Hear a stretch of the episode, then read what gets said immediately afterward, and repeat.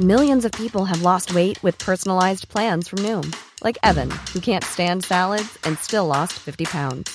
Salads, generally, for most people, are the easy button, right? For me, that wasn't an option. I never really was a salad guy. That's just not who I am. But Noom worked for me.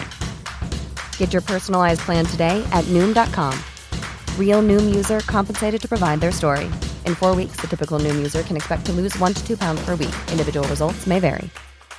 This Mother's Day, celebrate the extraordinary women in your life with a heartfelt gift from Blue Nile. Whether it's for your mom, a mother figure, or yourself as a mom, find that perfect piece to express your love and appreciation. Explore Blue Nile's exquisite pearls and mesmerizing gemstones that she's sure to love. Enjoy fast shipping options like guaranteed free shipping and returns. Make this Mother's Day unforgettable with a piece from Blue Nile. Right now, get up to 50% off at BlueNile.com. That's BlueNile.com. Burrow's furniture is built for the way you live. From ensuring easy assembly and disassembly to honoring highly requested new colors for their award-winning seating, they always have their customers in mind. Their modular seating is made out of durable materials to last and grow with you. And with Burrow, you always get fast, free shipping. Get up to 60% off during Burrow's Memorial Day sale at burrow.com slash ACAST. That's burrow.com slash ACAST. burrow.com slash ACAST.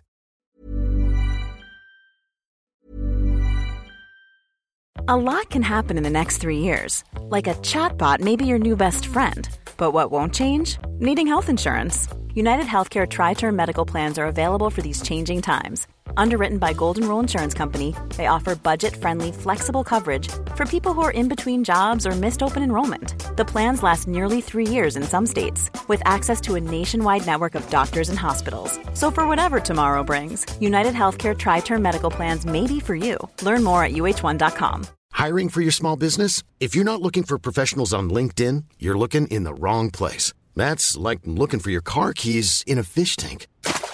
LinkedIn helps you hire professionals you can't find anywhere else, even those who aren't actively searching for a new job but might be open to the perfect role. In a given month, over 70% of LinkedIn users don't even visit other leading job sites. So start looking in the right place. With LinkedIn, you can hire professionals like a professional. Post your free job on linkedin.com slash people today. Nu kan den som har lyssnat på podden eh, fler avsnitt än det här gå tillbaks och jämföra med hur, hur du berättade den här storyn förra gången du gjorde det i podden. Nej, har han dragit den? Fan! Nej, nu har jag också historieförbud. Klipp du- bort det här nu Jonas för fan. Nej, nej, nej, nej, det får inte klippas bort. Hur var det här då? Hur var det här då? Hur var det här då? Hur var det här då? Hur var det här då? Hur var det här då? Ja, välkomna hit till ett nytt avsnitt av Hur var det här då? Sveriges bästa och populäraste polispodd. Ehm, Bra vi som också, ja, och den presenteras eh, med stöd, ekonomiskt stöd av Kaffegreven. Det ska vi nämna direkt. Ekonomiskt stöd. Och eh, ja, sponsring, det är väl ekonomiskt stöd. Ja, spons- ekonomiskt stöd, sponsring. Och de tillhandahåller fikalösningar i kontorsmiljö av bättre kvalitet och sort. Och således finns det inte på någon polisstation runt om i Sverige. Exakt så. Ja. Otroligt bra. Eh, så att idag är det jag, Viktor, som får hålla i taktpinnen, eh, leka ordförande och eh, styra upp det här på ett bra sätt. Och eh, eh, ja, det kan väl säga så här. Välkomna hit grabbar och hur har ni haft det? Helvete, nu ringer en dotter på andra linjen. Sluta ring! Så, ehm, hur har ni haft det grabbar? Vi börjar med eh, Nadim. Ja, Viktor. Otroligt bra start. Eh, jag har haft det, jag har haft det bra sen, sen förra avsnittet. Mitt, eh, jag har i, i, i, i dagen då podden släpps är min sista arbetsdag på polisen. Känn på den. Men inför, inför det så har jag gjort allt som jag ska göra, som jag nämnde i förra avsnittet med alla, alla bestyr så att säga. Och haft en del uppdrag vid sidan av eh, polisen. Jag har bland annat varit i Stockholm och deltagit i en paneldiskussion med, eh, hos Unison och tillsammans med organisationen Män som handlade om eh, det här veck, en vecka fri från våld. Det, vilket var väldigt intressant för där pratade vi väldigt mycket om skolans roll och vi fastnade väldigt mycket vid kring ramsättningen för våra barn och unga. Att stora, många av de här barnen som växer upp och hamnar i kriminellas händers klor eh, de saknar ofta ramar, eh, ganska tydliga ramar, både hemifrån och från och skolan kan inte ha inte den möjligheten att sätta ramar. Och vi som jobbar med det här från olika delar har sett att en del av det som gör att de faktiskt lockas in och fastnar i gängkriminalitet är också de extremt tydliga strukturerna. När man pratar om, kliver du utanför den här gränsen, då dör du faktiskt. Men är du innanför de här ramarna så är du en bror, du får ett sammanhang, du får en gemenskap, du får en ekonomisk trygghet och så vidare. Så tydligheten av ramarna tror, vad vi är överens om i panelen, eh, är ett, eller avsaknaden av tydliga ramar är en riskfaktor för att de här barnen ska hamna i kriminalitet och där gängmiljöerna erbjuder en knivskarp linje som man inte kan eh, passera. Eh, utöver det så har jag besökt MR-dagarna, mänskliga rättigheter-dagarna i Helsingborg och även där deltagit i en panel och eh, minglat och strosat runt lite grann. Eh, Så det var väldigt, väldigt givande vecka, men, men, eh, eller veckor med mycket jobb utanför polisen då, och innanför polisen så har det bara varit att städa av det sista, så att säga. Hade ni några bra förslag på hur man ska kunna sätta eller hjälpa de här föräldrarna som, som inte sätter ramar till att tydligare sätta ramarna? Hur kan man Ja. hjälpa dem som inte har någon struktur alls? Eh. Man behöver framförallt differentiera föräldrabehovet och erbjuda olika typer av stöd till olika föräldrar. Vissa föräldrar, eh, vissa föräldrar så vill ju ha, kunna sätta ramar men de har inte verktyg. De vet inte liksom vad som gäller i Sverige. De tror att om de tar i sitt barn att socialtjänsten ska komma och ta dem. De behöver en viss typ av stöd i slags utbildning och sådär. En annan typ av förälder, och det här är föräldrar som också ofta gärna ropar efter hjälp. Jag menar i förra veckan så släpptes en rapport Eh, eller det- var något på radion där de pratade om han mördaren, han som mördade Andreas, hur hans mamma hade jobbat och hur socialtjänsten hade failat totalt och tar de här varningssignalerna på allvar. Det är den kategorin där man måste hörsamma och lyssna på föräldrarna. Den sen finns det olika typer av föräldrar. Några är inte kapabla överhuvudtaget, förstår inte problemet. Då ska man ju rädda barnen ifrån föräldrarna. Föräldrastödet måste differentieras så att föräldrarna får möjlighet att vara föräldrar. Den andra delen är att skolan måste också ha möjlighet att hantera de här barnen och sätta de här ramarna. De, skolans hot är ofta tomma hot. De stänger av en elev två veckor, sen omplacerar de honom i två veckor. Alltså det blir, det blir, inte, det blir inte den här tydligheten som behövs för de här. Så man måste växla också och sen behöver jag även bara för sakens skull lägga in att man behöver också krama de här barnen, kanske lika mycket som man behöver ramsätta dem. Eh, de behöver kärlek också, men ty- bristen på ramar och möjligheten för skolan och dåliga föräldrar att sätta ramar behöver stärkas. Det är minst sagt en eh, hygglig utmaning vi har här, Om vi ska komma till bukt med, med framtiden. Ja, men, ja, det är det. Men problemet som vi såg det, det, alltså, var det var jag och så var, var det Vesna Prepkovic som är gammal eh, rektor i skolan som har skrivit en eh, bok som heter Brottsplatsskolan och så var det en person från SKR som pratade om detta. Och grejen är inte, här i det här fallet så Problemet är att man har inte differentierade stöd. Man har, man har ett allmänt föräldrastöd och skollagen gäller alla skolor och alla har samma möjligheter. Man har inte, man har, man har inte olika typer av stöd för olika behov. Det är ett stort problem. Så man har bara ett allmänt paket liksom. Va, nu kanske jag missade för jag läste på en annan grej här. Men vad kallades det här någonting det du sa nu? Eller vad, för att det, Nej, nej. För Det- det var bara eh, diskussion- det var finns bara diskussion om- Vända kurvan finns ett projekt. Jag kan berätta mer om det lite sen eller varför jag pratar om det. Men det är ju just det där du nämner det lite grann. Ja. På det. Och det är, den som ni, det är den som ni kör i Göteborg va? Som den tyska modellen eller? Exakt, kurvenkrigen Exakt, om- eller någonting kallas det på tyska Exakt. och så vända kurvan. Ja. Och den är ju väldigt speciell på individprevention. Alltså man, man plockar upp individer som man är stort behov av och det behöver vi också göra. Samtidigt som man behöver ha det allmänt pre- ja, preventiva också. Ja, men det kan, får du gärna prata lite mer om sen. Ett tillägg Ja, bara, men jag håller du en godisklubba i handen? Ja, jag Okej. kan inte smaska på den. Okej. För det låter, då blir, då blir våran klippare Jonas, shout out till Jonas för övrigt, det är våran klippare, han är fantastisk och han blir arg på mig för jag kan inte sitta still och ofta smaskar på någonting när vi poddar. Så jag ska slicka på den väldigt tyst. Ja, det var inte meningen att vara oseriös i det seriösa ämnet där, men eh, jag var bara uppmärksamma det. Ja, det är bra. Mm, det låter som du har eh, sysslat med viktiga saker. Det blir lite som en eh, kanske en där viktig länk mellan skolan och föräldrarna som eh, det är stort hopp däremellan. Jag brukar ju tycka att och så kommer polisen in där ibland och det kanske vi inte alltid ska vara. Såklart med information och till viss del men, men skolans problem brukar jag säga måste främst lösas av skolan själv. Men det förstår man att vissa problem går inte att lösa själv för skolan. Så där behövs det nog eh, insatser. Och sen måste man också komma ihåg att skolan är ju en utbildningsinstitution. Alltså de ska ju jobba med undervisning. Ska de också göra uppfostringssaker och andra delar så måste de ha annan typ av personal för det. Och sen berörde vi ämnet skolhälsan bara lite grann som är totalt eftersatt i hela jävla landet. Så jag kan pausa där. Släppa in en annan i diskussionen. Ja, vi, eh, vi går till Peppe. Eh, som, som, vad har du gjort utöver att odla din eh, kraftfulla manliga mustasch som vi ser här i bild? Ja, men visst, den börjar ta sig. Den börjar Ja. bli riktigt anskrämligt ful. Eh, Men vad gör man inte för den goda saken? Nej, men jag har eh, så sakteliga börjat dra igång mina föreläsningar eh, för termin 4 inför att de ska gå ut på aspiranten. De går ut här om eh, ja, en och en halv månad lite drygt. Eh, Så det har jag börjat göra och eh, samtidigt som, som det här då eh, sker, vilket är jävligt roligt, de väntar ju på sin kanske största grej i livet för många. Så är det ju också så som så att eh, vi har en aspirantkull som inom väldigt kort här tar sin examen. Men då är det ju tyvärr några stycken eh, som blir både underkända och förlängda och där har det ju börjat och eh, ringas i både förtvivlan och hopp om hjälp.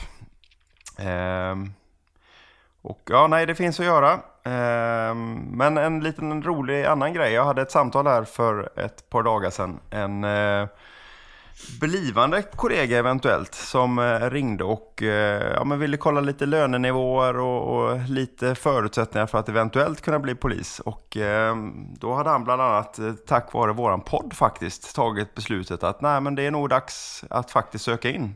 Så lite cred. Eh, jäkligt Mm. roligt ta ett sånt samtal. Ehm, och eh, det verkar som att han förhoppningsvis kommer att söka. Så det känns bra. Ja, det var, det var kul. Ja, 38 år, ung och med mycket livserfarenhet i bagaget. Precis vad vi vi- vill ha. Ingen duvunge. Nej, precis. Nej, så det är väl lite där. Mycket resande och eh, väldigt många mejl och samtal. Eh, och sen utöver det, det ordinarie polisarbetet då, som kör på.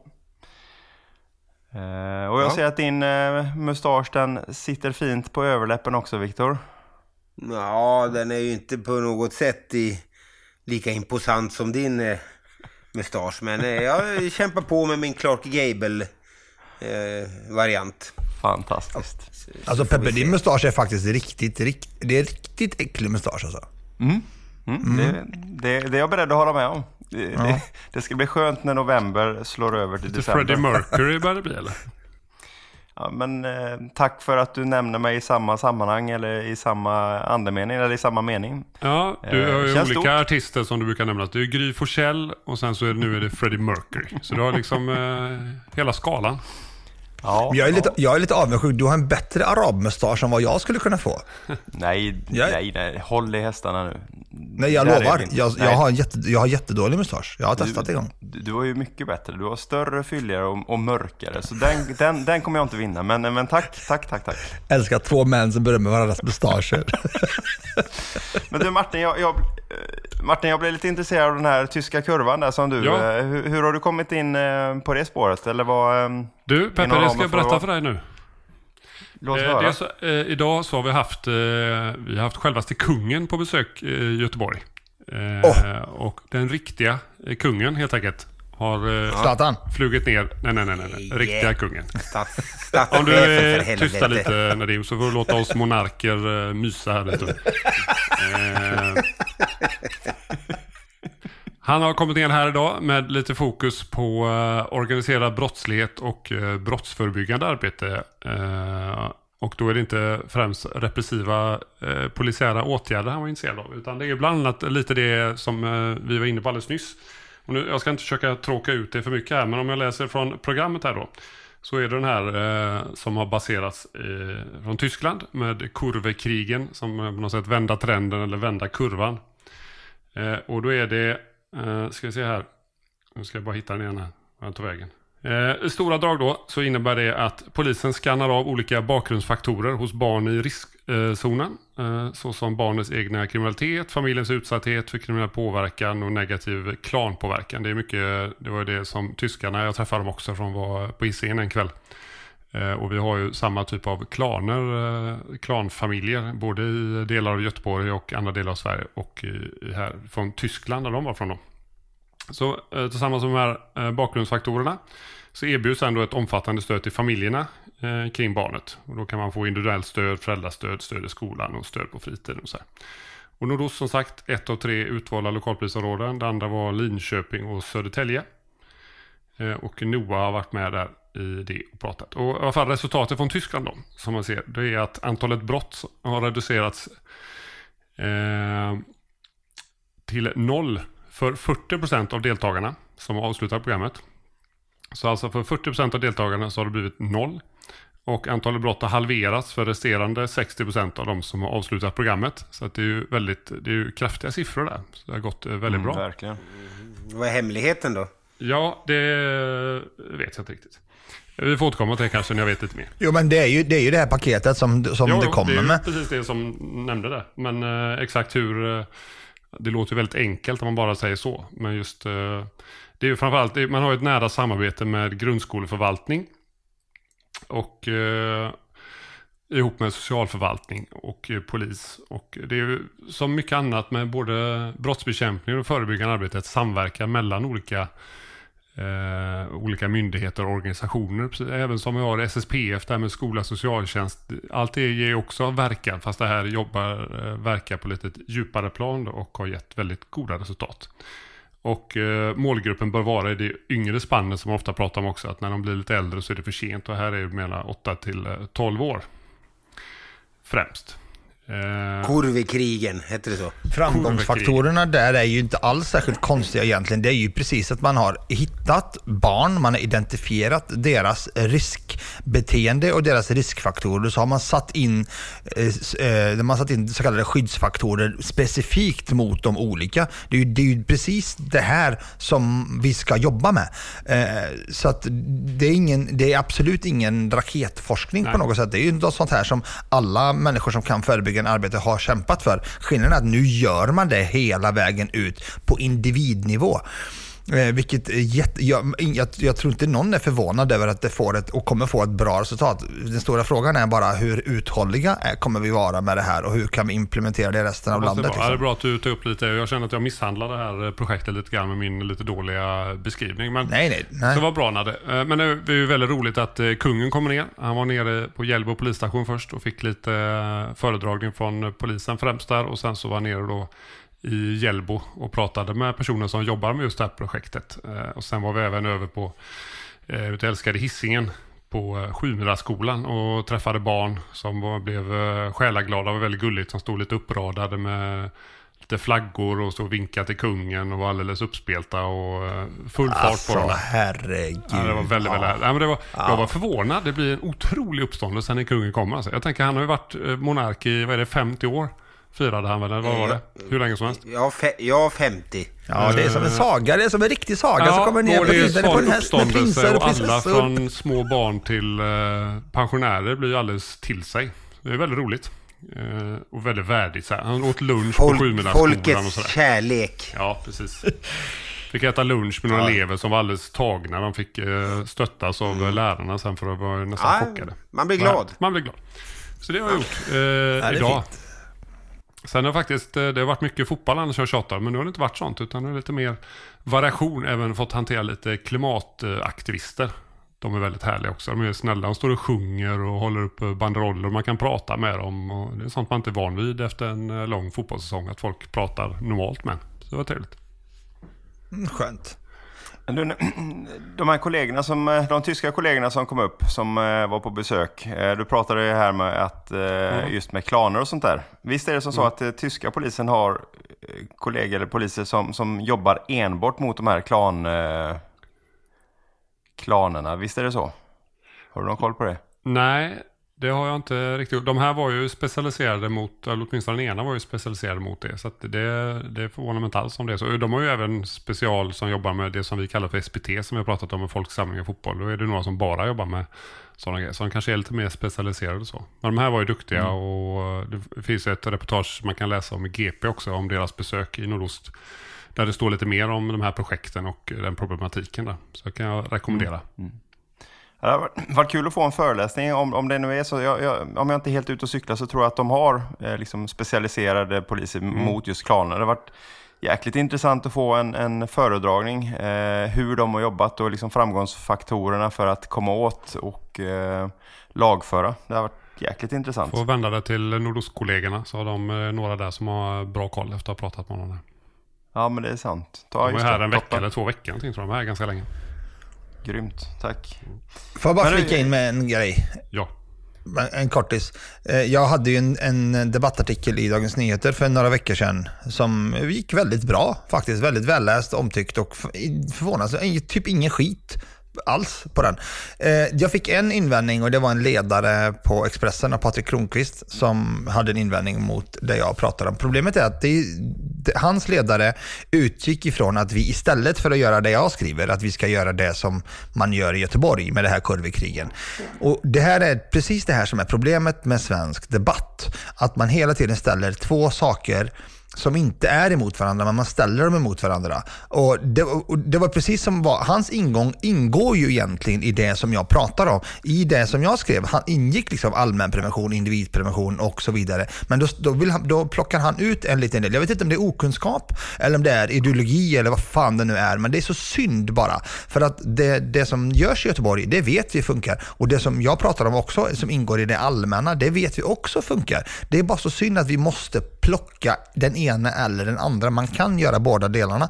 Jag vill bara få, få, få in den, för det preventiva arbetet är, det är fruktansvärt tråkigt och långsiktigt och tålamodskrävande att jobba med det och det är inte mätbart och det är det som gör det osexigt för människor med makt och jobb och, och, och satsa på. Det, det är alldeles riktigt som du säger. Viktor, har du gjort, gjort något kul då? Ja, det var roligt att du frågade. Eh, för svar, det enkla svaret är nej. Eh, Fast det har vi du ändå alltid när du gräver fram det. Nej, jag har varit stretat på som en som enkla arbetaren i vingården och ingenting eh, särskilt har hänt utan eh, eh, ja, man, eh, jag har haft en, eh, en man cold, varit sjuk också. Ja, och liksom eh, så att eh, inget särskilt faktiskt har hänt. Jag fick eh, eh, feedback där att eh, en kollega på jobbet som sa att han eh, i en SPT-buss då, vi satt flera stycken, att ja, men, jag började lyssna på eh, podden och tyckte den var eh, trevlig och, och rolig och sådär. Ni är ju fyra vettiga, med, eller ja, tre och så är du då, Viktor. Det, det var ju lite, lite kul, men ändå kul att, att man blev, fick lite feedback från det, det, liksom den egna gruppen. De brukar annars vara, vara svala mot det mesta. Ja, de är en tough crowd, kollegorna. Ja, det är en tough crowd. Det, det är områdespolisen i Södermalm, där, där blir man, ingen blir profet i den gruppen kan jag säga. Ja, den, jag kan säga här i Göteborg så har vi en mycket eh, kär kollega, Anna.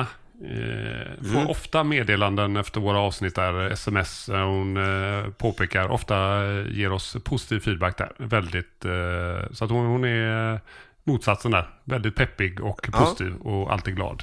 Det är roligt. Undrar om, undrar om det är en könsbunden grej, för jag har också en, en kollega, Karin, som alltid lyssnar på oss och längtar efter våran podd och hon hör alltid av sig med något kul efter och skrattar mycket åt dig, Viktor. Eh, är, det, är det liksom att tjejer gärna, liksom, eller kvinnor, ger, hellre, ger mer beröm än och killar? Eller finns det någon stolthet där? Eller? För jag antar att din grupp består av mest snubbar, Viktor. Ja, det är mest, det, det är mest män i övre medelåldern.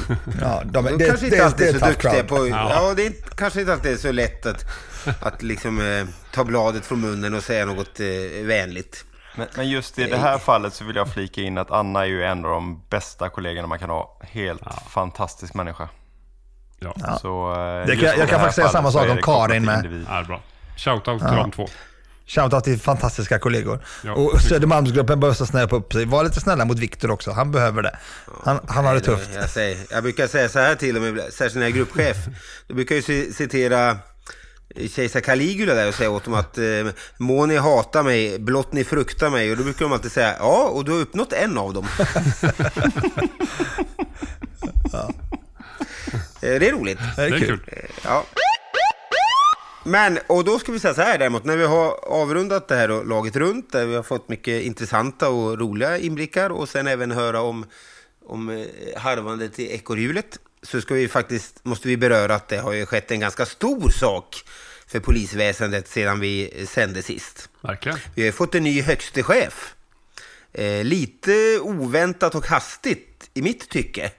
Eh, jag trodde nog att Thornberg, som ju, vars förordnande går ut där snart, att han skulle sitta i, i lugn och ro till eh, den tiden gick ut och att ingen skulle peta i det. Men han kanske fick ett offer can't refuse, som man eh, säger i filmvärlden.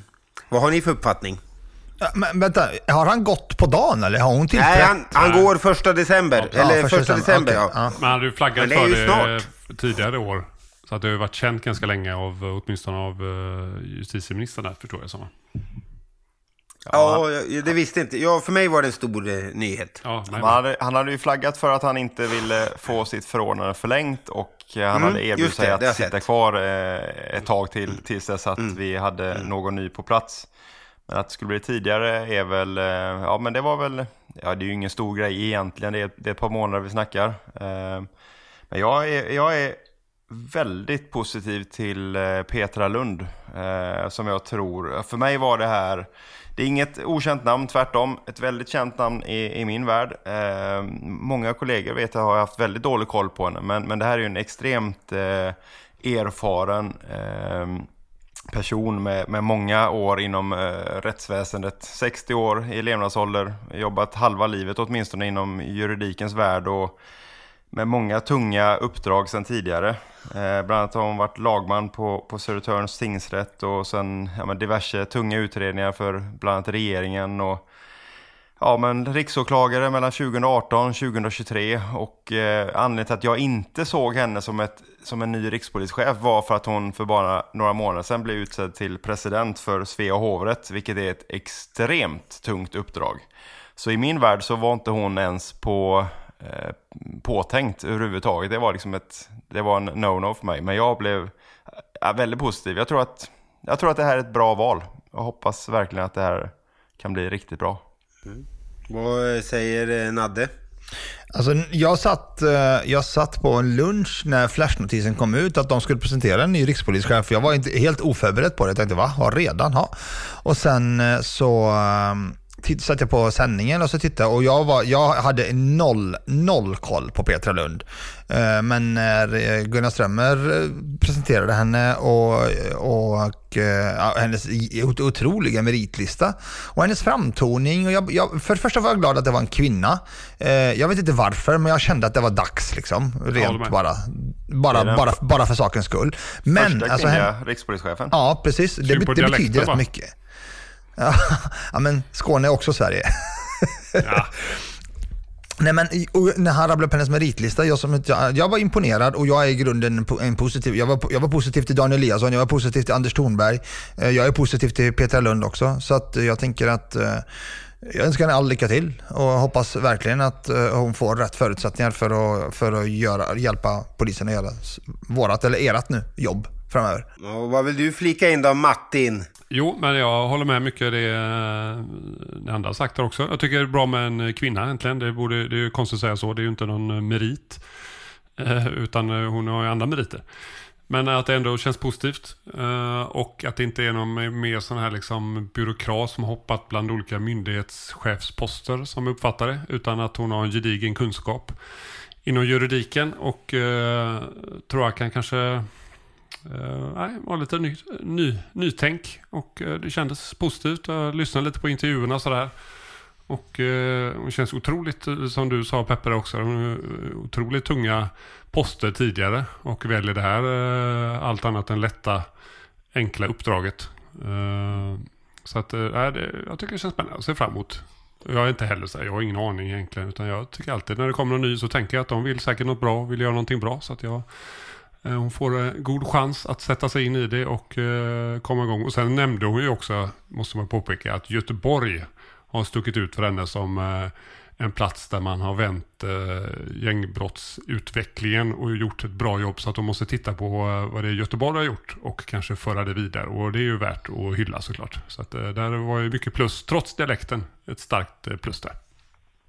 Jag har pratat med många åklagarvänner som alla bara har gott att säga om henne. Och man kan ju se det här uppdraget som rikspolischef som antingen ett rent kamikazeuppdrag där man är satt att misslyckas. Eh, så som det är nu med tanke på skjutningar och sprängningar och den eh, allt bistrare verkligheten som vi verkar i.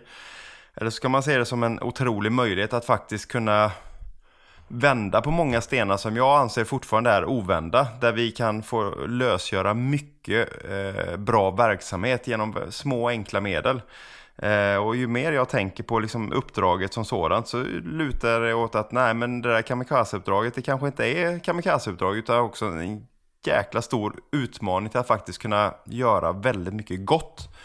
Eh, kan ju bara se som, som när Tornberg kom in och, och tack för de här åren Anders. Eh, verkligen. Eh, han kom in eh, när omorganisationen var under uppbyggnad får man ändå säga. Eh, det var ju fortfarande jävligt stökigt när han kom in. Nu har ju det börjat lugna sig, nu har vi börjat hitta formerna på ett annat sätt. Sen så är det väl andra grejer då som, som sitter i, eller är i vägen. Men ja, jag är nog försiktigt positiv till att det, man kan få ut väldigt mycket med små medel. Och det är inte ett rent kamikazeuppdrag. Ehm, så ser jag på det. Viktor, ja. din, kompis, eh, din kompis Oshin skrev ju en välkommen till Sveriges uh, svåraste... Mest otacksamma jobb. Oh, ja, precis. Ja, vad. Vad tänker du? Ja, jag ska väl först säga att jag... Ehm, ja, man hade ju hört namnet och visste vem personen var, men, men eh, inte så mycket mer, det får jag väl erkänna. Det fanns väl inte riktigt på min radar heller att att liksom det skulle bli hon. Och sen, men som sagt, meriterna talar för sig själv och de eh, snackar man inte bort. Det, det, det här är en person som är van med den här typen av frågor liksom.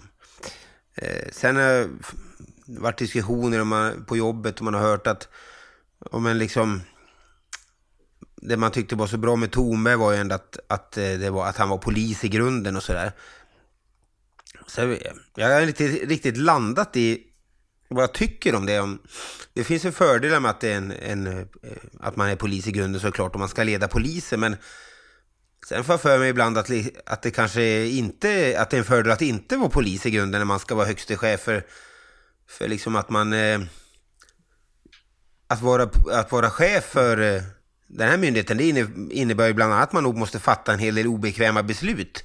Och att man nog inte är rädd för någon slags hänsyn som man kan känna kanske mot ja, personer eller grupper eller vad man ska säga om man har ett långt förflutet inom polisen. Utan att man tycker det är jobbigt utan ska man, jag tror det kanske underlättar att eh, våga fatta ett jobbigt beslut. Såklart ska det vara grundat i, i kunskap och insikt som man har fått från, från själva verket. Ja, jag, jag, tycker som, jag håller med dig vad du säger. Jag tycker också, men jag tänker man, den polisbakgrunden man har och hur man utbildas till polis, det har ju ingenting med att leda en enormt stor myndighet Nej. att göra. Det känns ganska, egentligen Nej, ganska exakt. oviktigt. Det är mycket viktigare, lite som du var inne på i chatten där med att den stora skillnaden blir ju att man måste ha människor runt omkring sig som vill något annat och vill förändra till det bättre. Och då måste man ju ha sådana. Ja, sen kan jag dock tro så här. Till exempel att, för att ta ett exempel då, så var ju Thornberg, även om han fick ju mycket, annat att hantera sig, men han, när jag lyfte den här äh, frågan om hur vi uppträder i uniform på sociala medier, med en debattartikel. Det plockade han upp väldigt fort och som polis så insåg man att han väldigt snabbt kunde identifiera min och många andras känsla, förstå den och även förstå vikten av att adressera problemet.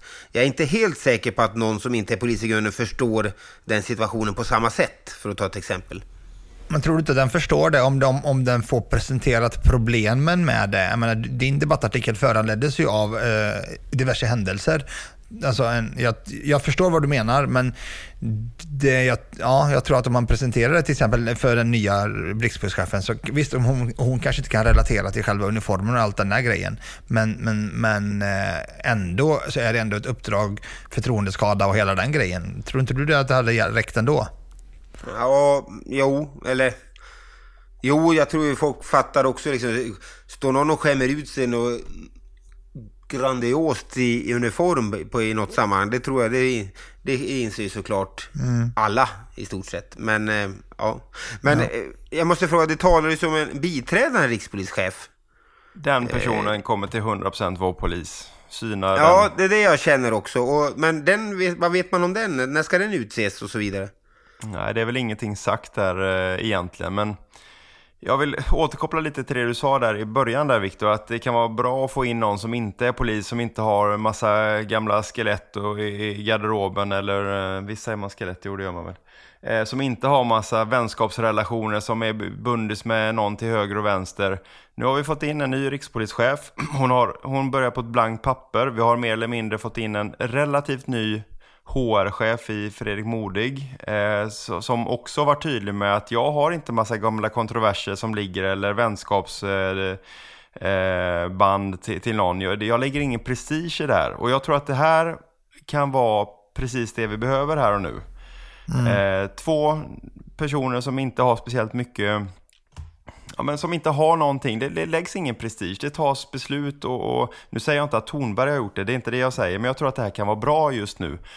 Eh, sen kan jag ju tycka också, med, med tanke på att vi har en ny rikspolischef här nu då från 1 december, att jag har inte kunnat se någon tydlig polis som skulle kunna gå in som rikspolischef. Och det kan jag tycka, och det är många med mig som, som, som ändå är framträdare inom myndigheten, som inte har sett ett, ett solklart lysande liksom, rikspolismaterial.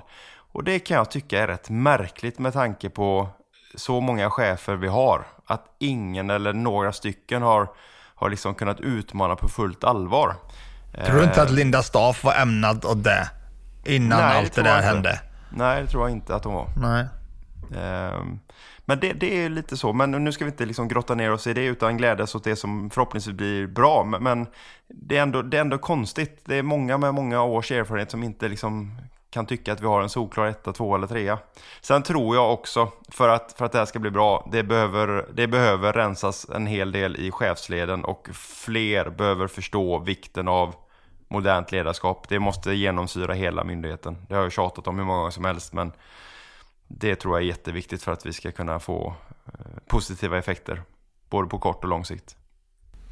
Jag tycker det är en enorm styrka, alltså enorm styrka att hon kommer helt utifrån. Och att hon kommer dessutom ifrån snäppet ovanför oss i rättskedjan. Alltså, åkla- alltså det, nej, det bara det är hur bra som helst tycker jag. Ja, men hon har ju som riksåklagare drivit på mot positiva lagförändringar. Alltså hon har gjort ett jättejobb. Hon är väl insatt i liksom hela rättsväsendet.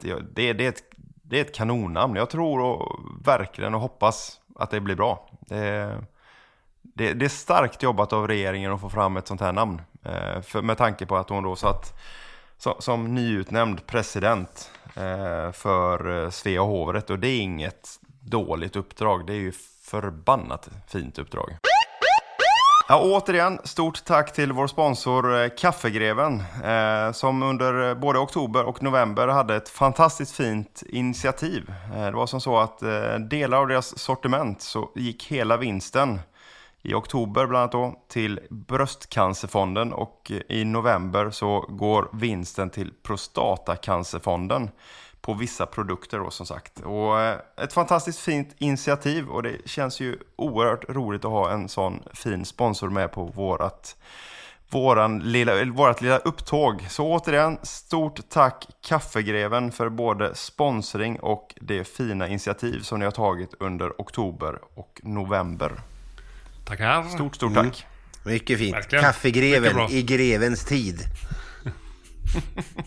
Victor, ge- Victor bjuder bara på slogans till höger och vänster här nu. Ja, kaffegreven i grevens tid. Så, så kan man tänka sig när man kommer till jobbet och, och nu är det i grevens tid. Och så, varför, det ska man ju ha klistermärke på apparaterna, i grevens tid. Så går man dit och tar sitt kaffe. Det är ju briljant. Ja, det är briljant.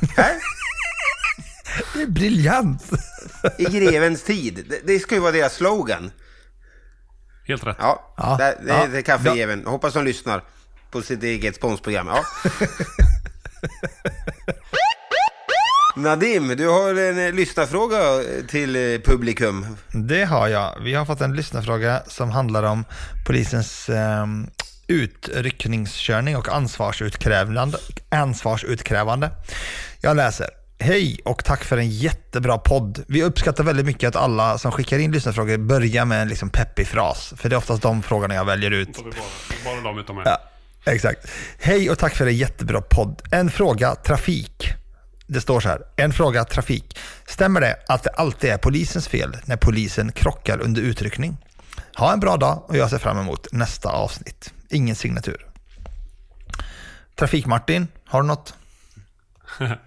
Eh, det är ju inte automatiskt så att det alltid blir eh, eh polisens fel vid utryckning. Men man har ju väldigt, väldigt stort ansvar när man ska eh, eh, köra trängande då. Att man eh, påkallar fri eh, väg genom ljud och ljusanordningen på polisbilen. Då, när vi kör mot rött ljus så är det inte så att alla andra är skyldiga och bara kastas undan och så får de skulden om någonting händer. Utan vi har ju jätteansvar att köra försiktigt och inte orsaka några trafikolyckor. Så att jag tror det ska ganska mycket till för att man inte ska eh, dömas eh, för till exempel vårdslöshet i trafik eller något annat vid en sån. Men det, det beror ju även ändå på omständigheterna. Så har man varit så försiktig man kan och man ändå liksom har rätt att köra trängande för att eh, ärendet har krävt det. Så, så kan man ju om man säger klara sig eller så kan det vara liksom ändå okej om det sker en, någon form av olycka. Men det ligger väldigt stort ansvar så det ska ganska mycket till. Vi har, måste vara väldigt försiktiga. Ja, 2010 så krockade ju jag, eller inte jag, jag satt som passagerare, men jag var med om en trafikolycka där det som kostade min vänstra höft, jag har pratat om den lite grann, men han som körde bilen, han blev ju dömd eh, i tingsrätt och hovrätt. William, nu blir jag osäker nu när jag säger det, men jag är rätt säker på att han blev dömd för vållande. Eh, så ja, och då, då fick jag för mig, liksom på något sätt, för jag var väldigt känslomässigt, känslomässigt involverad i den här trafikolyckan. Jag var ju där som vittne och allt sånt där och jag var jättearg på, inte på kollegan utan på lastbilschauffören som hade stängde vägen för oss och inte såg att vi kom i 200 km timmen. Och då fick jag det på något sätt förklarat för mig efter domen att det ligger, precis så som du säger, ett enormt ansvar på polisföraren eh, som kör under utryckning. I princip så skulle jag, hade jag fått den här frågan av någon allmänhet så hade jag sagt ja. Ja, det är alltid, vi är alltid skyldiga när vi krockar under utryckning. Men det kanske finns såklart omständigheter och så vidare. Men Ja, men kan, det- Om man ser att man ändå liksom gjort det man kan för att undvika och det händer ändå något att någon kanske kör på mot, eh, liksom, inte mot rött ljus, då är det uppenbart, men att det ändå sker Mm. någonting där vi inte kunde förutse det, eh, så, så är det inte automatiskt. Men det beror på, jag, tänker en rödljuskorsning, om man kör där, kör rakt igenom och krockar med någon som korsar, då kommer Ja. man ju alltid vara den, eh, var den eh, orsakande. Men annars så finns det ju omständigheter. Men, men det man ska göra som, jag tycker man ser ibland, får lite ont i magen ibland när man ser vissa utryckningar. Eh, framförallt in i stan när det är så mycket folk. Vissa kollegor kör otroligt fort och man ser att det finns inte en chans att de stannar om någonting kommer fram där. Man tar för höga risker. Där finns många kollegor som behöver fundera eh, Och och hoppas att de inte lär sig den hårda vägen genom att köra på någonting eller någon. Men, eh, så där, där tror jag vi kan bli lite bättre. Mm. Dessutom finns det ju alltid den här, eh, och, det har ju inte bara att göra med eh, när man kör, ut, eller, kör utryckning, eller, utan det är även privat, att många människor, gärna män då, har ju en uppfattning att de är otroligt duktiga bilförare och, och, och där att nej men det är lugnt, inget händer. Nej men det spelar ingen roll, för den du möter kanske en jättedålig bilförare och agerar på ett helt annat sätt om du kommer i, med blåljus och siren och blir skrämd. Så att du kan ju aldrig förutse vad, din, vad de andra trafikanterna gör eller hur de agerar. Och det, det är Eh, faktiskt pre, precis på det temat som, som du säger, Nik, eh, Niklas, Viktor. Eh, så jag, jag är faktiskt förvånad att vi inte smäller oftare än vad vi gör. För det märker man ju framförallt när man kör på lite större leder när vi kommer. Eh, allt ifrån de som gasar på, som jag föredrar, och sen så går in och lägger sig framför någon annan bil. Eh, eller de som håller hastigheten och ska försöka tränga sig in. Och jag vet inte hur många gånger man har kommit bakifrån där det, det nästan orsakas en, en olycka genom att de inte ser, de blir stressade. Eller de som tvärnitar Eh, Det har ni säkert varit med om några gånger. Och, och man själv får liksom pallnita. Det, det är så extremt olika eh, hur folk reagerar. Och det där sätter ju, det sätter ju krav på oss som, som utryckningsförare att, att vara observant på alla de här scenarierna. Precis. Ehm, Det tycker jag gör. Man, man hjälps ju i vanlig, även som privatbilist. Så man får ju, jag tror man utvecklar en, ett sinne för att se, förutse vad bilister ska göra i trafiken när de ska göra fel och så, här. så man nästan ser det på någon rörelse att oj, den kommer nog köra ut framför där, den kommer nog göra det här. För man är så van från utryckning just att man ser, folk reagerar väldigt, väldigt olika, ofta på grund av eh, stress. Eh, när de plötsligt kanske inte hör sirenerna och sen tittar i backspegeln och ser blåljus med någon kollega som är stressad som ligger två meter bakom bilen. Då blir det ju eh, akuta stressreaktioner som gör att man kastar sig någonstans. Därför är det ju, det är ju vanligt, till exempel i, i stan då, Stockholm city där jag jobbar, där blir det ju väldigt ofta att högsta polisbefälet som sitter på kommunikationscentralen går in och, och beordrar avbryt på, när det blir ett förföljande. Ja.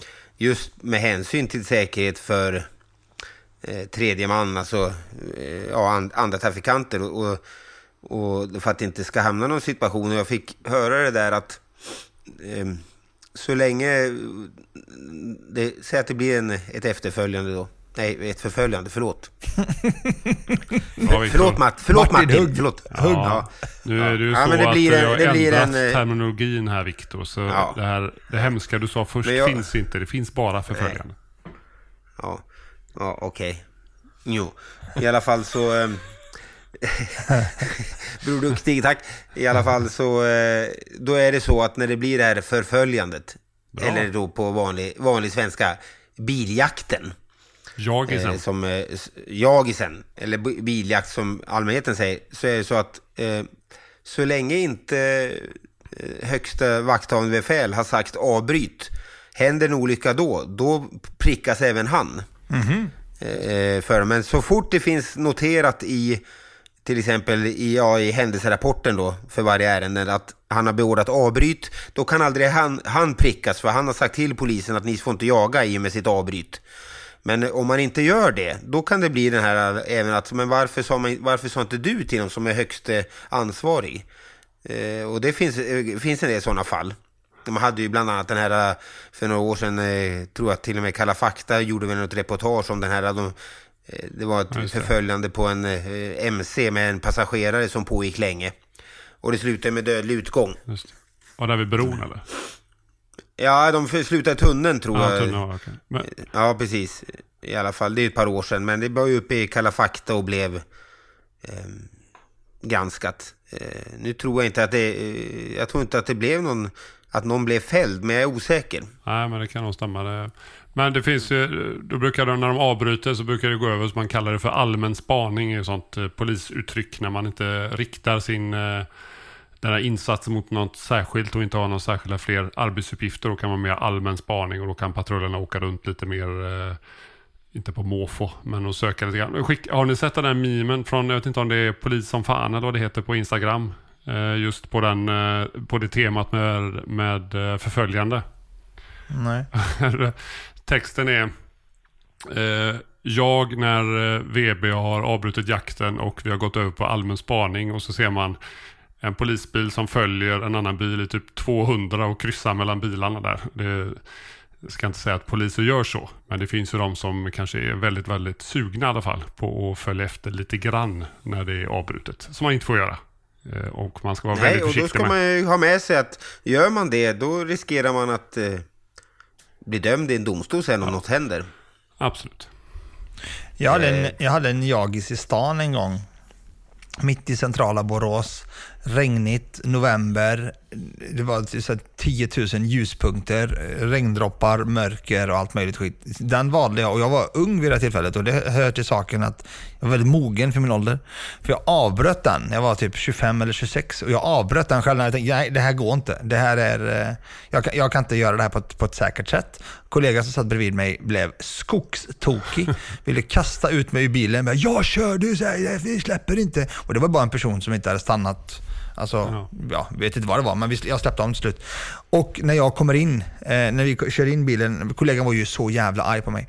Och när vi kommer in på station så kommer, så kommer eh, eh in, eller yttre, eh, yttre och kallar in mig i ett rum tillsammans med inre. Det var ju de två liksom, cheferna då, på den tiden.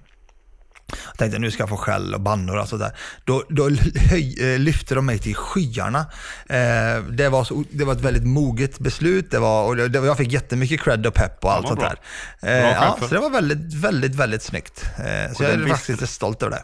Och den bistra sanningen är att du kör så jävla rötet så att du kände att du avbryter för att inte bli frånkörd. Och så får du cred för det där. Alltså, det där är ja. ju... Så kan, man, så kan man se det. Nej, men faktum är att det, det är 70% av alla skador som anmäls, alla arbetsskador som anmäls till, eh, som polisen råkar ut för, det är faktiskt eh, trafikrelaterade skador. Så det är, inte, det, är inte en, det är inte en orimlig sak att faktiskt prata om och framförallt träna mer på. Och det, det du säger Martin med nya yngre kollegor, jag har inte den erfarenheten för jag jobbar inte ute på samma sätt längre. Men jag antar att det är lite grann, eh, lite talande för hela landet. 80% av alla de där skadorna är väl dessutom parkeringsskador så man ska nog inte dra allt för höga. Eh, men, men visst. Eh, jag menar bara att polisen skadar sig i trafiken, vi blir inte ja. skjutna och knivhuggna liksom. Nej, nej. Ja, men det där, alltså, är det någonting man ska lyfta så är det, det är så jävla lätt att sitta både som förare och passagerare. Få en jagis, man får lite adrenalin, man vill liksom vinna, man vill gripa och sådär. Men fan alltså, ett, ett råd till alla kollegor och blivande kollegor. Den som kör, det är den som har ansvaret. Kör fan inte över sin egen förmåga. Och den som sitter bredvid, knip igen om man inte tycker det går tillräckligt fort. För det är den som kör som har ansvaret och den ska också kunna bära på det som eventuellt kan hända. Och där har jag, kan jag säga, ibland fått bita mig i tungan. Men faktiskt aldrig någonsin, och det kommer aldrig hända, liksom uppmanat han till att köra över den hastigheten som, som han eller hon kör i. För det är den personen som kör som bestämmer. Den som sitter bredvid, det är bara så här, ja, vi kanske förlorar den här jakten, men det har inte hänt någonting. Och det är den som, som kör och som har ansvaret. Där ska man fan aldrig pusha någon Nej, till att absolut. gå över sin egen gräns. Där är rollen eh, tvärtom men det är, och ta bort processer men, från ja. föraren genom att förklara hur trafiksituationen ser ut, prata radio och ge eh, instruktioner på det sättet till andra kollegor och få hjälp. Det är ju inte att hetsa mm. snabbare. Däremot så, eh, andra Nej. sidan av myntet är, och det har jag själv gjort vid, vid tillfällen och sagt till mig, nu får du fan sakta ner. När, mm. jag, som, jag känner mig inte trygg när du kör så här. Eh, jag, vill, jag vill inte smälla för att någon eh, överskattar sin egen förmåga och tokkör på ja, vad det nu kan vara för ärende. Jag glömmer aldrig en av mina första utryckningskörningar direkt efter jag hade klarat utryckningsförarkursen. Eh, var nere i Skåne. Jag kan säga att så nära vad jag var att smälla då, det var det verkligen så här Ja, adrenalinet sprutade åt alla håll och kanter. Jag var så jävla taggad. Och kommer i ja, men bra hög fart i en 90 graders kurva typ. Eller böj, vad säger man? Och är riktigt nära att flyga rätt ut över en åker. Det var ju änglavakt att så inte var fallet. Det var ju ren tur att det inte kom någon mötande bil för då hade det inte slutat väl. Eh, så, så ja, framförallt när man är ny i, i karriären eh, och fortfarande får puls på, på vissa ärenden. Eh, ta det lugnt. Eh, det viktiga är att komma fram. Och ja, med lite oflyt hade inte jag suttit där jag är idag. Eh, har ni varit nära att smälla när ni har kört eller ja. suttit bredvid? Ja, faktiskt varit i fyra um, så här, trafikincidenter. Alla när jag jobbade i Dalarna. Eh, men tre av dem hade att göra med, men det är också med halt väglag. Och där det, det släppte när det kördes fort mm. eh, på utryckning. Och eh, en var, då, den ena gången var vi i en buss eh, och skulle upp på det var någon så här bankomatsprängning i, i någon or, mindre ort. Och där släppte en kurva och gick bara rätt ut i skogen. Så eh, Det gick ju bra som tur var, alla klarade sig, men jag kommer ihåg att det kom en medbor medborgare och körde bara... Eh, Konstigt ställe ni har trafikkontroll på, hörni. När vi, stod så 10 meter ut i, mitt ute i skogen där och han trodde väl vi hade upprättat en kontroll där. Han fatt, fattade inte att, att vi hade kört av vägen. Ni bara eh, spelade med där? Ja, bara, vi stod där med förstärkningsvapen. Ja, det är lugnt. Vem är du?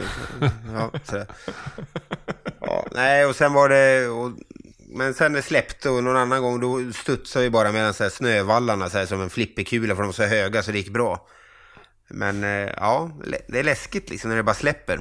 Mm. Mm. Ja, det är för jävla... Eh... Ja, ja, jag, har aldrig, jag har aldrig varit nära att krocka i, eh, i, under uttryckning. Däremot, du, har ju, du har ju krockat. Ja, exakt. Jag skulle säga det. Däremot har jag krockat.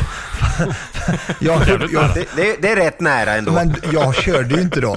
Jag satt ju faktiskt och passagerade. När jag har kört själv så har jag aldrig varit nära. Och därmed inte sagt att eh, under den trafikolyckan, jag hade nog inte klarat den bättre än det som hände. Eh, jag skadade mig den gången, den enda gången jag krockade i polisbil, eller varit nära.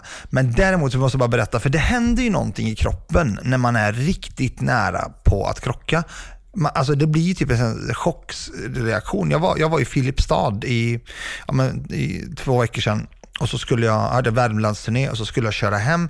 Jag föreläste till åtta och sen körde jag hem genom värmländska skogarna och alla sa till mig, kör jävligt försiktigt för det är mycket älgar och skit. Så jag körde försiktigt ner till, ja men typ Karlstad och sen från Karlstad till Mariestad så kunde jag släppa på lite. Men då hade det precis kommit sån här litet, litet, litet lager med is. Och vid en kurva så då, då, kände jag bara att biljäveln bara kana och jag körde ta mig fan inte fort. Biljäveln bara kanade och, och mitt emot mig kommer en lastbil. Och vet, jag hann tänka så många tankar. På, ja, får jag ett kontroll på bilen nu? Det, vet, och sen fick jag kontroll på den och så kunde jag köra vidare. Men jävlar vad mina ben var skakiga. alltså, säkert en timme efter. Fy fan, det var fan läskigt alltså. För det händer ju någonting i kroppen. Ja, jag har haft ja, så det... vid tre, fyra tillfällen fast med motorcykel. Eh, inte i tjänsten då utan privat. För några år sedan när jag var mer ny med MC-kortet där. Och det var några gånger och då var jag tvungen att stanna och bara hämta andan. För det var så jävla obehagligt. Man kände verkligen att herregud vad nära. För att man var någon dum, liksom, eh, kör dåligt på något sätt. Men sådana här upplevelser är eh, Ja, men det är bra att ha med sig när man, när man jobbar. För när, man, när, vi, när vi åker på en trafikolycka och när man ser hur chocken börjar släppa hos vissa och liksom förstå hur långt efter man kanske inte är körduglig. För det kan jag uppleva ibland att man, ja, man rafsar av en trafikolycka och sen så, ja, ja ni tar det hem så och så. Istället för att ja, men ta, det, ta den lilla extra stunden, kanske köra hem folk om det, om det går. Just för att inte kanske orsaka ytterligare en trafikolycka när chocken släpper, när allting liksom bara briserar. Um, ehm, så det, det, är bra erfarenhet att ha med sig, för jag har varit med om något liknande också. Eh, och jag tar mig ofta lite längre tid på, på en olycksplats för att verkligen försäkra mig att alla verkligen kan eller får skjuts hem eller att vi själva kan hjälpa dem att köra hem eller något liknande. Jag hade en, en jäkligt rolig eh, trafikincident för många år sedan. Det var när jag jobbade i Borås. Så, eh, men det var ju mycket landsvägskörning och mycket skog och, och sådär så var det såphalt ute och eh, vi åker på utryckning. Eh, och så från ingenstans så hoppar det bara ett rådjur rätt ut i vägen. Men på något sätt så, så liksom kanar rådjuret fram så de liksom ja, tar en, en högergir så han kommer liksom framför oss och vi tvärnitar. Men så ser man bara rådjuret kommer närmare och närmare och närmare och närmare. Och sen tuff, det blir en sån här liten dutt typ. Och eh, ja, han åker ner där på alla fyra och kanar liksom framför vår bil men liksom aldrig liksom så att vi kör över honom. Och sen så får vi stopp och då springer han iväg. Och sen fortsätter vi på vårt larm och sen så går vi fram och kollar grillen efteråt. Då har ju liksom gråa hårstråna i arslet liksom fastnat i hela fronten. så vi stod där och, och plockade liksom hårstrån efter det. Ja, den var ju lätt surrealistiskt. Men, eh, Men ja. Fick, fick ni adrenalinpåslag då eller? nej, utan, nej, faktiskt inget alls. Det var bara så här, vad fan händer? Det, det, var som på film liksom. Vi bara sitter där och, och, och, och rådjuret eh, kanar framför oss och ja, det är väl bara att hålla tummarna liksom. På tala, vi måste fortsätta på halkspåret, för jag har en minnesvärd grej som är hämt, otroligt tragisk. Vi kanske inte ska avsluta med den, men den är värd att berätta faktiskt det, det är några veckor där i oktober där det alltid kommer liksom första halkan. Och på, vi har, på motorvägen mellan Göteborg och Borås har vi några broar, eller framförallt en bro, som blir väldigt, väldigt underkyld. Så där Ja, är det fy alltid, fan du. ja, den är riktigt, riktigt läskig alltså. Eh, och vi hade en, vi klev av ett, vi, vi, vi, vi, vi var på, det var ett nattpass och vi fick ett larm om att det var lite dominokrock på den här vägen. Och så kommer vi dit och så är det typ 6-7 bilar som har krockat. Vi kliver ur polisbilen, vi kan inte stå på bron för vi bara kanar runt överallt liksom. Så det var total kaos. När allting började lugna ner sig, för vi fick bort folk, så var det en bil som var kvar. Det var en bil som var kvar, första bilen var kvar. Och vi fick, fick inte fatt i föraren. Vem fan är det här? Och vi fick liksom slog på bilnumret, försökte få tag i arbetsgivare. Han hade inte kommit till jobbet. Och, ja, hur som helst, vi bärgade bort bilen för den kunde inte stå där. Åkte in till stationen och började avrapportera. Då eh, fick vi, eh, och då hade det här bilens eh, förares anhöriga hört av sig och sagt att vi hittar inte, vi vet inte vart eh, den här personen är. Så vi blev beordrade att åka ut till platsen igen. Eh, åkte vi till fyra bilar och då ser vi, då hade det ljusnat då. Och då ser vi att där den bilen står, där emellan eh, på motorvägen så har de här eh, staketen, vad heter det? De här eh, järngrejerna. Väg, precis. Där, eh, mellan de två vägbom, eller vad fan heter de Peppe, vad sa du? Vägräcke. Vägräcket, tack. Mellan de två vägräckena som skilde höger och vänster, alltså till och från. Där var det bara ett stort hål rakt ner. Det var liksom ingen mark under. Så då visade det sig att den här personen som var den första bilen som krockade, han stannade, såg att det började komma flyga bilar till höger och vänster. Han klev över räcket och i tron om att, för det var becksvart, i tron om att det var något att stå på under och föll rakt ner. Så vi fick ju eh, ta dit hund och, och så mycket riktigt där nere låg personen eh, ja, avliden då. Och det, var, det, var, det var så fruktansvärt sjukt. Man har liksom varit på När en var detta, sa du? halk...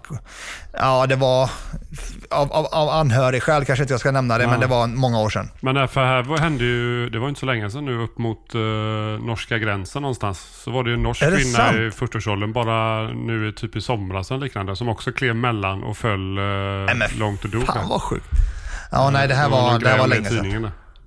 Ja. Fruktansvärt. Vårat, vårat blev inte medialt överhuvudtaget, men det, blev, det, var, det, var, det var väldigt, väldigt eh, Mm. jobbigt eh, och sådär. Ja, halka är förrädiskt. En kollega berättade om en, en jävligt rolig eh, jagis de hade för, ja nu vet jag inte alls och jag vet inte vem, vem kollegan som eh, är den som, som eh, gjorde det roliga var heller. Men de har haft en biljakt, eh, kollegan som berättade för mig kör eh, och kollegan som sitter på passagerarplats eh, sitter och pratar radio och, och är väl ganska så i konen och, och eh, uppe i varv. Eh, bilen svänger av, eh, stannar och föraren då till den här bilen springer. Varpå kollegan då på radioplats är jävligt snabb ur bilen. Eh, det han dock glömmer det är att, att lägga kvar eh, radiomikrofonen. Så på något sätt så drar han ut sladden och micken och bara drar iväg.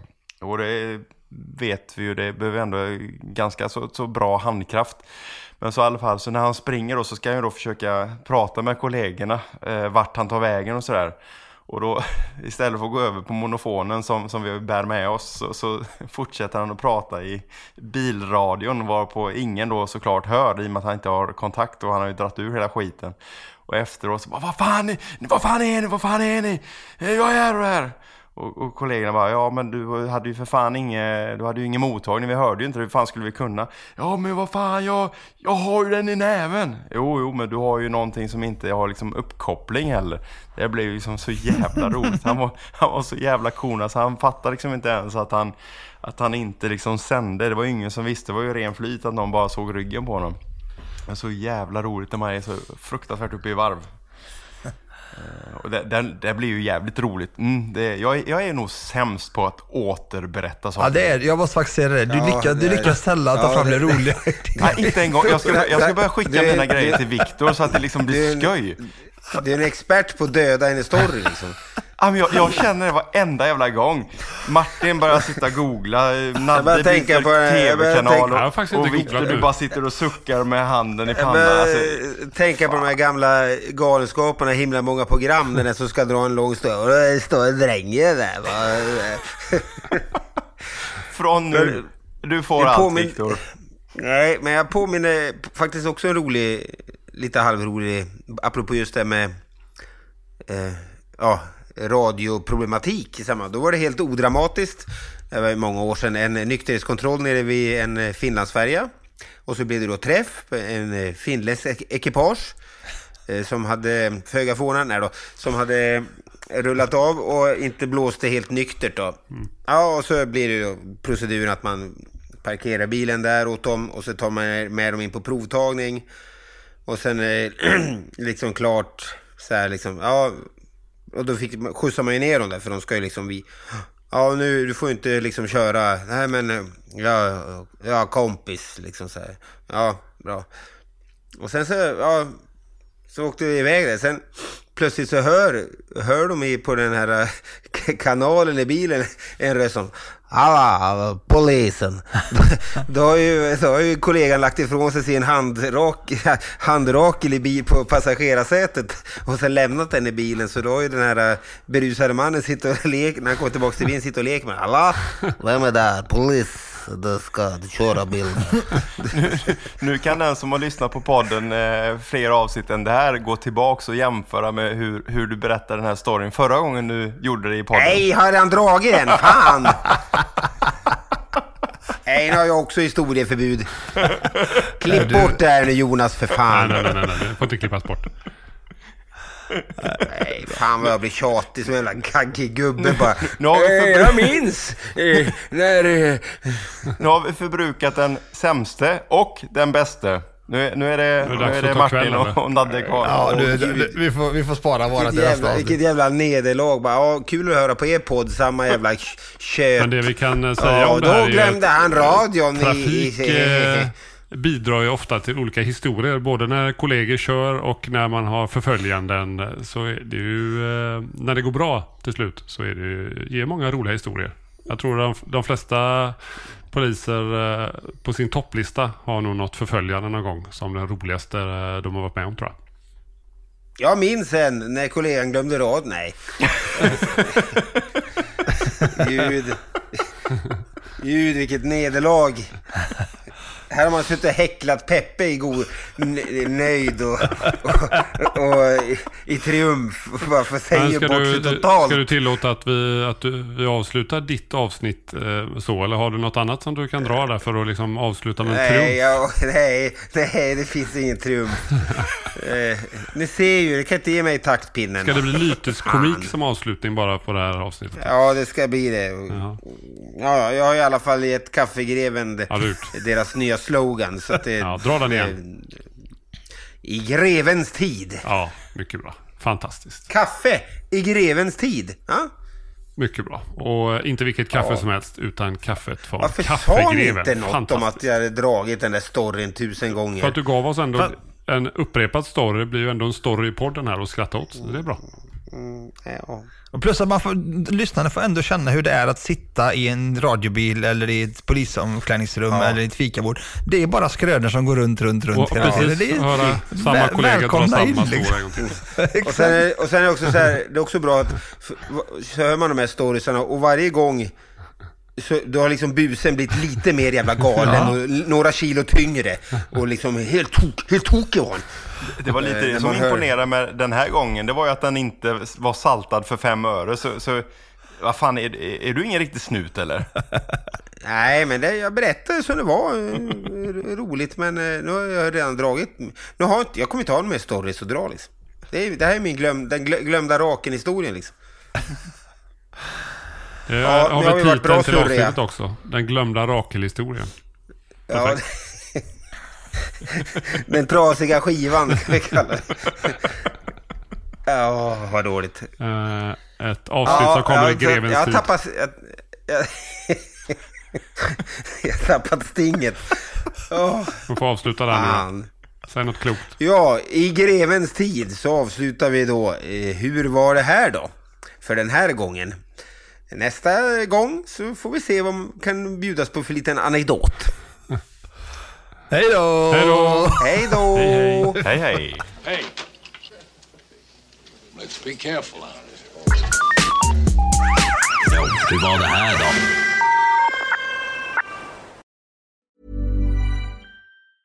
Even when we're on a budget we still deserve nice things. Quince is a place to scoop up stunning high-end goods for 50 to 80% less than similar brands. They have buttery soft cashmere sweaters starting at $50, luxurious Italian leather bags, and so much more. Plus, Quince only works with factories that use safe, ethical, and responsible manufacturing. Get the high-end goods you'll love without the high price tag with Quince. Go to quince.com slash style for free shipping and 365-day returns.